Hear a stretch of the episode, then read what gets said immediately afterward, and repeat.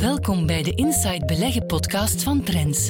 Met elke woensdag een blik op de economische actualiteit en uw beleggingen door Danny Reewegs, directeur analyse en strategie van Inside Beleggen.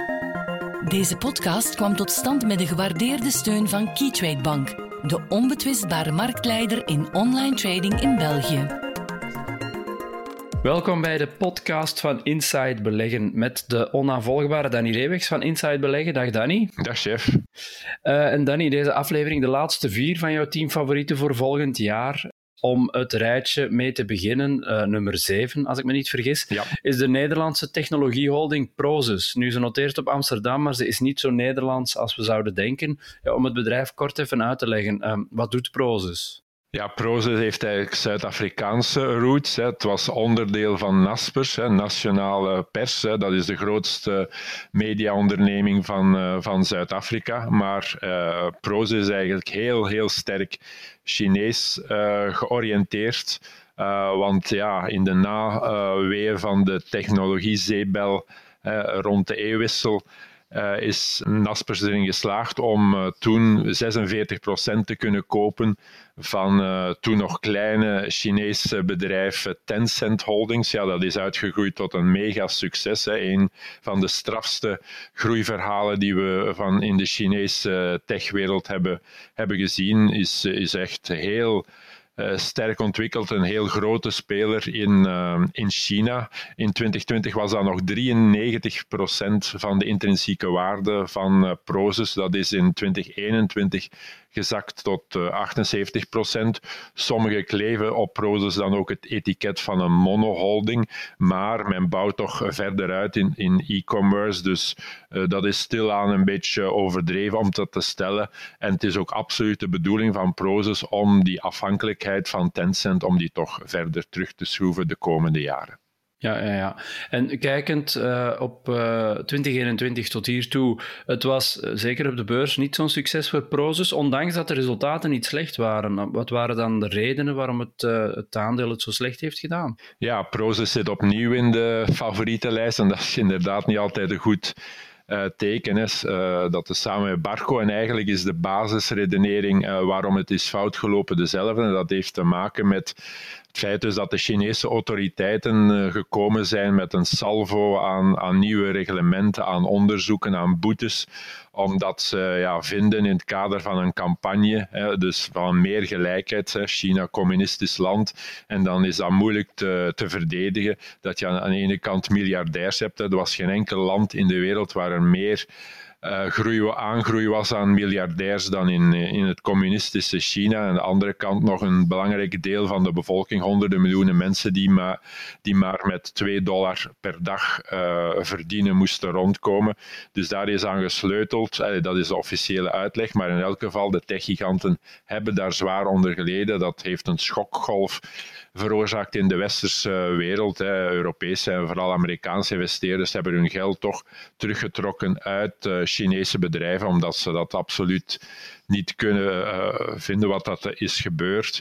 En uh, vandaar dus de slechte prestatie van, van de Chinese aandelen, inclusief Tencent in uh, 2021. Ondanks ja, dat er nog altijd een, een stevige omzet- en winstgroei was. Misschien ook een beetje onder de verwachtingen, maar dat heeft dan ook te maken met de vergelijking in 2020. Hè. Tencent is onder meer het grootste gamingbedrijf in de wereld. Ja, in 2020, in volle lockdown, uh, zijn we heel veel gaan gamen. Dus er was een wat moeilijke vergelijkingsbasis, maar uh, er bestaat geen twijfel over. Tencent is nog altijd een groeibedrijf.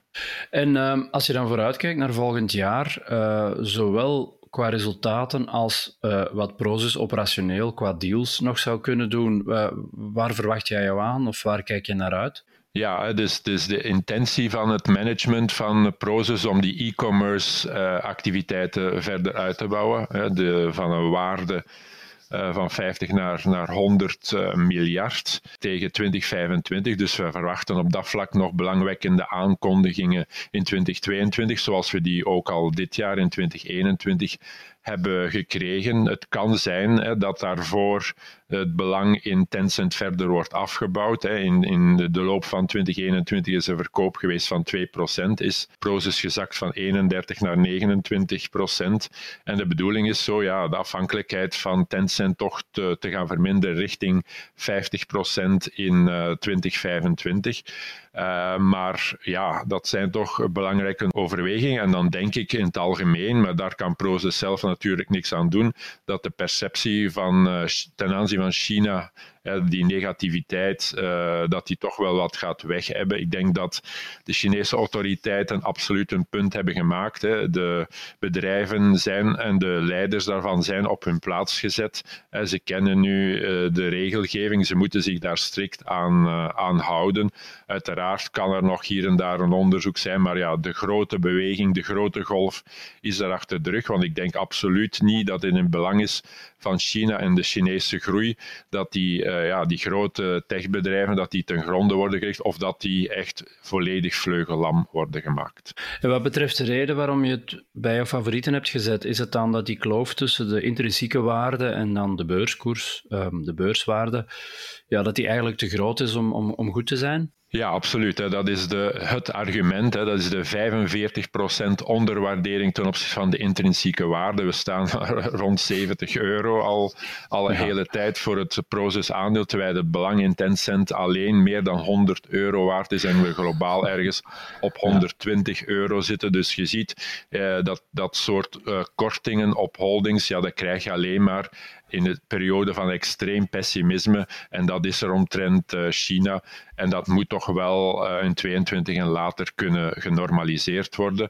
Bovenop het groeipotentieel van Tencent, eh, want uh, dat is niet weg. En dan ja. natuurlijk nieuwe initiatieven in e-commerce. Dat maken globaal gezien toch wel flink wat koerspotentieel. We mikken op 95 euro in ja. 2022. Ja, daar zouden beleggers toch van moeten beginnen likkenbaarden van ja. al die dingen.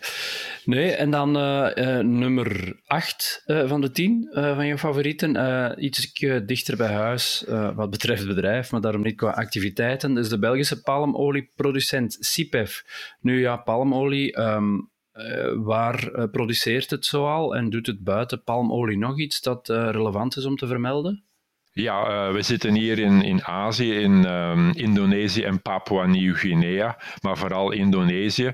Uh, was lange tijd een, een wat gediversifieerde producent, hè, met naast palmolie ook rubber, thee en bananen, maar men heeft toch de voorbije tien jaar ge geopteerd om meer en meer richting palmolie te gaan. De bananenactiviteit is er ook nog, die is rendabel, die is stabiel. Ze hebben daar een vaste klanten, maar thee en vooral dus het rubber hebben ze toch uh, verder afgebouwd. En daaromtrent is nog een deal geweest in, in 2021. Dus uh, CIPEF gaat voluit voor palmolie, maar dan wel uh, duurzame palmolie. Maar dat is toch belangrijk om te vermelden. Nu, ik vraag me altijd af, ik ken de, de, de sector niet zo goed, maar is het, is het een cyclisch bedrijf? Is dat een cyclische sector? En hoe, ja, in welke fase van de cyclus zit CIPEF dan nu? Ja, dat is absoluut een cyclische sector. Hè. Prijzen uh, in de landbouw ja, die fluctueren in functie van vraag en aanbod, in functie dus van klimatologische omstandigheden, goede of slechte seizoenen. Uh, ja, die kunnen een enorm verschil maken in prijs. Maar structureel, lange termijn, is er wel nog altijd een stijgende tendens van verbruik van palmolie door de groeiende wereldbevolking. We weten dat er daar in Europa anders naar gekeken wordt. Is men heel kritisch voor palmolieproducenten, maar wereldwijd stijgt de vraag nog altijd van, uh, met 3 à 4 procent. Maar door de enorme schommelingen vaak in de prijzen uh, ja, zijn de resultaten wel uh, cyclisch te noemen. Ja, ja.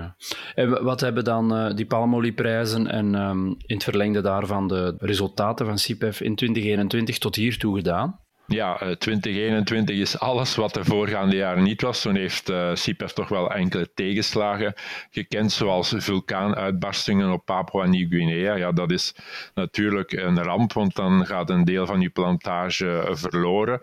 Uh, en dan moet je die bomen herplanten. Ja, dat kost toch jaren om de productie van ervoor terug, uh, terug te hebben. En dan kwam er in 2020 de exporttax, die werd ingevoerd door Indonesië. Op het moment dat de palmolieprijzen na een enkele mindere jaren terug aan het stijgen gaan en dat roomde op dat moment de winst af.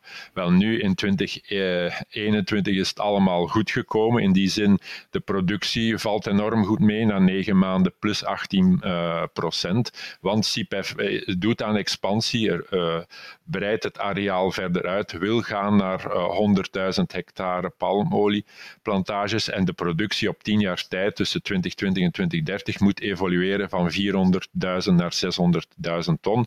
En dat is in 2021 eh, alvast goed gelukt. Exporttax in Indonesië in juni verlaagd. En dan is er natuurlijk, last not but least, uh, de enorme stijging van de palmolieprijs in het zog van de olieprijs. Want palmolie wordt in Azië vooral ook gebruikt als biobrandstof. En dan heb je een volledig plaatje voor een fantastisch boerjaar. Misschien wel het absolute recordjaar in de geschiedenis van CIPEF. Ah ja, en zie je dat dan volgend jaar verder gaan? Ja, er zijn goede redenen om aan te nemen dat zo is. Vooral belangrijk zijn de eerste eh, drie tot zes maanden van 2022, want CIPEF heeft de traditie om vooruit te verkopen. Dus halfweg het jaar is al eigenlijk het jaar grotendeels uh, gemaakt. En voorlopig ja, blijven olieprijs en palmolieprijs toch heel, uh, heel hoog. er is, zijn weinig voorraden, dus het ziet er denk ik goed uit en misschien beter dan analisten tot nu toe verwachten, want die houden toch rekening met een behoorlijke terugval van de winst in 2022. We denken niet dat dat zo ernstig zal, zal zijn.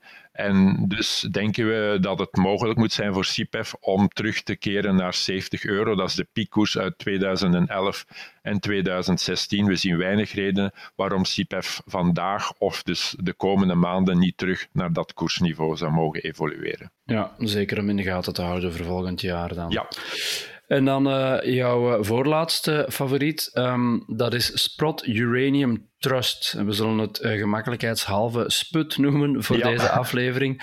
Uh, het is een beetje een ingewikkeld oorsprongsverhaal, maar hoe is sput ontstaan en wat doet het? Ja, je hebt Sprott, dat is een, bij ons misschien niet een naam als een klok, hè, maar dat is uh, in Noord-Amerika absoluut wel het geval. Heeft een heel sterke reputatie als grondstoffenspecialist. Hè, metalen, de trekkers die Sprott in de loop der tijd heeft uitgemaakt, wordt uh, geroemd omwille van absolute topkwaliteit ze hebben dan ook een klantenbasis van 200.000 uh, eh, klanten, eh, bekende klanten kunnen uitbouwen, ook welstellende klanten. En, en, dus in 2021 hebben ze zich ook op die potentieel sterke groeimarkt van uranium gestort door Uranium Participation, dat al lang bestond als aankoper van fysiek uranium, om die over te nemen. Dat is in de zomer gebeurd. En dan hebben we toch, denk ik, een heel belangrijke evolutie gekend in die uraniummarkt. Dus het heeft die uh, eh, UPC, Uranium Participation Corporation, wat een Canadees bedrijf is, um, overgekocht en dan omge, omgeswitcht naar ja. uh, het sput waar we nu in zitten. Ja, en dat is dan uh, in de loop van dit jaar gebeurd, maar sinds dat die sput ontstaan is, heeft het ook wel niet stilgezeten. Het is, het is, heel, is heel druk geweest. Wat zijn de belangrijkste hoofdpunten van dit jaar geweest voor sput? Ja, dat is eigenlijk een, een game changer. Dat is van een heel andere orde, van een heel ander niveau. Om maar te aan te geven, in 16 jaar had UPC uh, 18 miljoen pond uranium voorraad opgebouwd. Wel nu, in die enkele maanden, heeft uh, Sput al gekocht uh, voor 23 miljoen pond. Hè. Dus dat is veel, al een stuk meer dan in die 16 jaar voorafgaand en dat in, in enkele maanden. En dat is wel belangrijk, want de jaarlijkse productie op dit moment van uranium is slechts 130 miljoen pond. Dus ze hebben eigenlijk al tussen de 15 en de 20 procent van de wereld uh, aanbod aan uranium opgekocht. En dat betekent dus dat ze echt hier een concurrent zijn geworden voor de energiemaatschappijen, hè, voor de elektriciteitsproducenten. En er is al een tekort, hè, want de industrievraag is al jaarlijks 180 miljoen. Alleen de prijs was te laag en heel veel uraniummijnen hebben productiesites gesloten. En vandaar dus dat de prijs door onder meer de acties van Sput terug uh, met een 50% is gestegen richting 45, 50 dollar per pound. En om het bedrijfsmodel uh, correct voor de geest te krijgen, het is toch de bedoeling dat Sput dan uh, die uraniumvoorraden stelselmatig gaat liggen verkopen aan energiebedrijven die, die kerncentrales uitbaten en daar dan zijn, zijn winsten op maakt. Dus is dat de bedoeling? Ja, nee, ze zijn toch denk ik voor veel langere termijnen. Ze gaan niet de eerste beste prijsstijging gebruiken om te verkopen. Nee, zij willen die voorraad verder uitbouwen. Daarvoor hebben ze een ATM-programma, dus een aandelen-inkoopprogramma. Dus ze mogen telkens aandelen uitgeven uh, wanneer die uh, koers staat aan, aan intrinsieke waarde. Wel nu, eh, oorspronkelijk zijn ze begonnen met 300 uh, miljoen, maar ondertussen is dat al, hebben ze al voor 1 miljard uitgegeven. En totaalprogramma richting 2023 is uh, opgedreven tot 3,5 miljard. Dus dit bedrijf koopt vandaag al heel wat uranium en heeft dus de intentie om dat nog een hele tijd te doen. En uh, dat heeft toch al een groot effect gehad op de prijs van uranium. Ja, en als je dan kijkt naar volgend jaar, uh, de ontwikkelingen die, dat op de uraniummarkt, um, die op de uraniummarkt in het verschiet liggen en welke invloed dat kan hebben voor Sput, um, waar moeten we naar uitkijken en, en hoe kan dat de koers, de koers van Sput nog, nog verder ondersteunen? Ja, wat Sput zelf betreft is het belangrijk hè, dat er de notering uh, komt in de Verenigde Staten op Wall Street. En nu is het al een groot succes, ondanks het feit dat ook Amerikaanse investeerders moeten investeren in Canada op de beurs van Toronto. Daar is wel een notering in dollar gemaakt. Hè. Dat maakt al een beetje toegankelijker voor Amerikaanse investeerders. Maar de grote sprong zou in principe toch nog moeten komen als Sput ook gaat noteren op Wall Street. Dat is de bedoeling in het tweede of derde kwartaal van 2022. En anderzijds, ja, de prijs is nu aan het stijgen. Elektriciteitsproducenten zullen toch wel wakker moeten schieten. Jarenlang is de uraniumprijs alleen maar gezakt.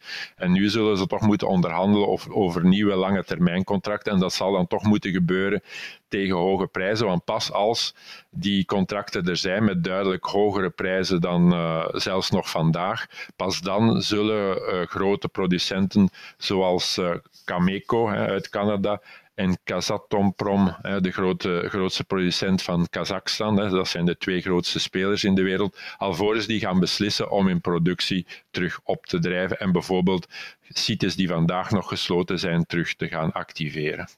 Ja, een structurele rugwind toch voor um, de uraniumspelers en sput in het bijzonder voor de komende jaren. Ja, want we zien toch wel hè, dat uh, kernenergie door heel het klimaatdebat terug aan belang wint. Hè. Uh, wij zijn in België daarop een uitzondering, maar Nederland, Frankrijk hebben al beslist voor nieuwe centrales en vooral uh, China heeft beslist om nog eens 150 nieuwe reactoren te gaan bouwen tegen 2035, want in die CO2-neutraal verhaal is kernenergie toch wel een stuk van de oplossing interessante naam om daarmee op uh, in te spelen. Goed, um, jouw laatste favoriet uh, voor dit jaar, uh, voor 2022, komen dichter bij huis. Telenet, de telecomspeler, de Belgische telecomspeler, behoeft weinig introductie, denk ik, bij de luisteraars. Dus om meteen te hebben over de resultaten van 2021, nu het was geen boerenjaar voor Telenet, als ik goed las. Nee, absoluut niet. Hè. En trouwens, ja, telecom is wat de meest gehate sector in, uh, in Europa bij uh, investeerders, want de groei is volledig weg. En dat is ook bij Telenet. Dat is de geografische beperkingen. Telenet is enkel maar actief in België en Luxemburg en in Vlaanderen had het een enorm marktaandeel, is jarenlang kunnen groeien door die bundels, hè, de, door meer en meer naast vaste en mobiele telefonie ook internet en, en uh, kabel-tv te kunnen aanbieden. De klanten gingen daarin mee. Maar ja, op een gegeven moment is iedereen bij wijze van spreken klant en dan is er een derde speler gekomen. Lang was er een duopolie met Proximus en Telenet. En dan is er toch Orange Belgium bijgekomen, hè, toen die ook die bundels kon aanbieden zijn die toch marktaandeel beginnen afsnoepen van uh, Proximus en, uh, en Telenet. En dus de groeiverhaal is weg. Hè. Telenet moet alles uit de kast halen vandaag de dag om nog een vergelijkbare omzet en winst te kunnen halen. En dat betekent ja, dat dat geen sexy uh, beleggersverhaal meer is. En dat zien we dus ook aan de beursprestatie. Het aandeel van Telenet is naar een vijfjarig dieptepunt weggezakt in de loop van 2021. Ja, en zie jij het bedrijf uh, de komende maanden en het komende jaar stappen zetten om dat tegen te gaan? Ja, uh, in Wallonië hebben zij nog lang niet die positie van in Vlaanderen en Brussel. En daar bleek dan een ideale partner te zijn met VOE, dat te koop stond. Maar daar hebben ze dus naast gegrepen. Hè. Dat is in handen of zal waarschijnlijk in handen komen van Orange Belgium. Zij voeren de exclusieve gesprekken omtrent een participatie. Um, en dan was het dus kijken naar een andere mogelijkheid. En dat is de ontwikkeling van een glasvezelnetwerk. Uh, in 2021 heeft Telenet daar een akkoord gesloten met uh, Fluvius. Dat is een joint venture. Alleen is het een voorlopig uh, akkoord waar niet alle details van bekend zijn. En voor analisten is dat heel vervelend. Dus waarschijnlijk bij de jaarcijfers van Telenet in 2022, begin 2022, gaan we dan weten ja, hoe zit die samenwerking er juist uit? Wie doet wat? Uh, wie, hoe is de verdeling? Wat zijn de voorwaarden? Pas dan gaat men dat contract kunnen naar waarde schatten en kan dat toch laten zien hoeveel potentieel aan groei dat Telenet mogelijk toch nog heeft de komende jaren. En als je dan uh, de redenen zou opzommen, of de troeven die jij vindt dat Telenet in huis heeft en, en de redenen om het in portefeuille te nemen, wat zijn daar de belangrijkste voor voor jou? Ja, het is heel duidelijk. Telenet is van alle tien uh, favorieten toch wel de meest defensieve. Hè. Het aandeel staat op een dieptepunt uh, en de defensieve kwaliteiten. Dat wil zeggen dat je gaat vooral voor uh, het dividend. En zij hebben toch een, een minimum dividend gegarandeerd op deze koers van ongeveer 9%. Dus eigenlijk moet de koers niet stijgen om al een deftig rendement te halen. Maar toch is koersstijging, denk ik, uh, terug mogelijk. Dat heeft dan te maken hè, dat die telecombedrijven uh, zich roeren. Uh, heel wat internationale spelers hebben ook een zendmasten bijvoorbeeld apart naar de beurs gebracht. Daar is vraag naar, want dat geeft een stabiel en vrij hoog rendement. Wel nu, Telenet bekijkt dat ook om dat in 2022 te doen, af te splitsen en eventueel naar de beurs te brengen. Dat zou toch 500 à 600 miljoen waard kunnen zijn, heel dat netwerk aan zendmasten bij Telenet. En dan twee, wat zien we? Ja, uh, toch wat M&A-activiteit in Europa en de telecomsector. Er is heel wat te doen rond Telecom Italia. Er is heel wat te doen rond BT, British Telecom. En we weten dat uh, Liberty Global, hè, dat is de referentieaandeelhouder van Telenet, die hebben ooit alles Telenet willen van de beurs halen in 2012 van 35 euro. Wel nu, dat kunnen ze eventueel overwegen om dat terug te doen in 2022, want de koers, de waardering is nu wel laag. Uh, dat is een aantal jaren geleden was dat anders. Dus dat zijn de potentiële argumenten om uh, Telenet bij de favorieten voor 2022 te plaatsen. Ja, een mooie defensieve basiswaarde om het rijtje mee af te sluiten. Nee, jij bent uh, heel hard bedankt daarvoor. En dan rest mij enkel nog om jou uh, prettige feesten en een gelukkig nieuwjaar te wensen. En aan de luisteraars ook. En uh, volgend jaar zullen we er opnieuw zijn. Ja, voor jou hetzelfde, Jeff. Tot later. Dag. Tot zover deze aflevering van de Inside Beleggen podcast. Meer tips, advies en analyses voor uw beleggingen leest u morgen in Trends. Volgende week zijn we opnieuw. Deze podcast kwam tot stand met de gewaardeerde steun van Keytrade Bank, de onbetwistbare marktleider in online trading in België.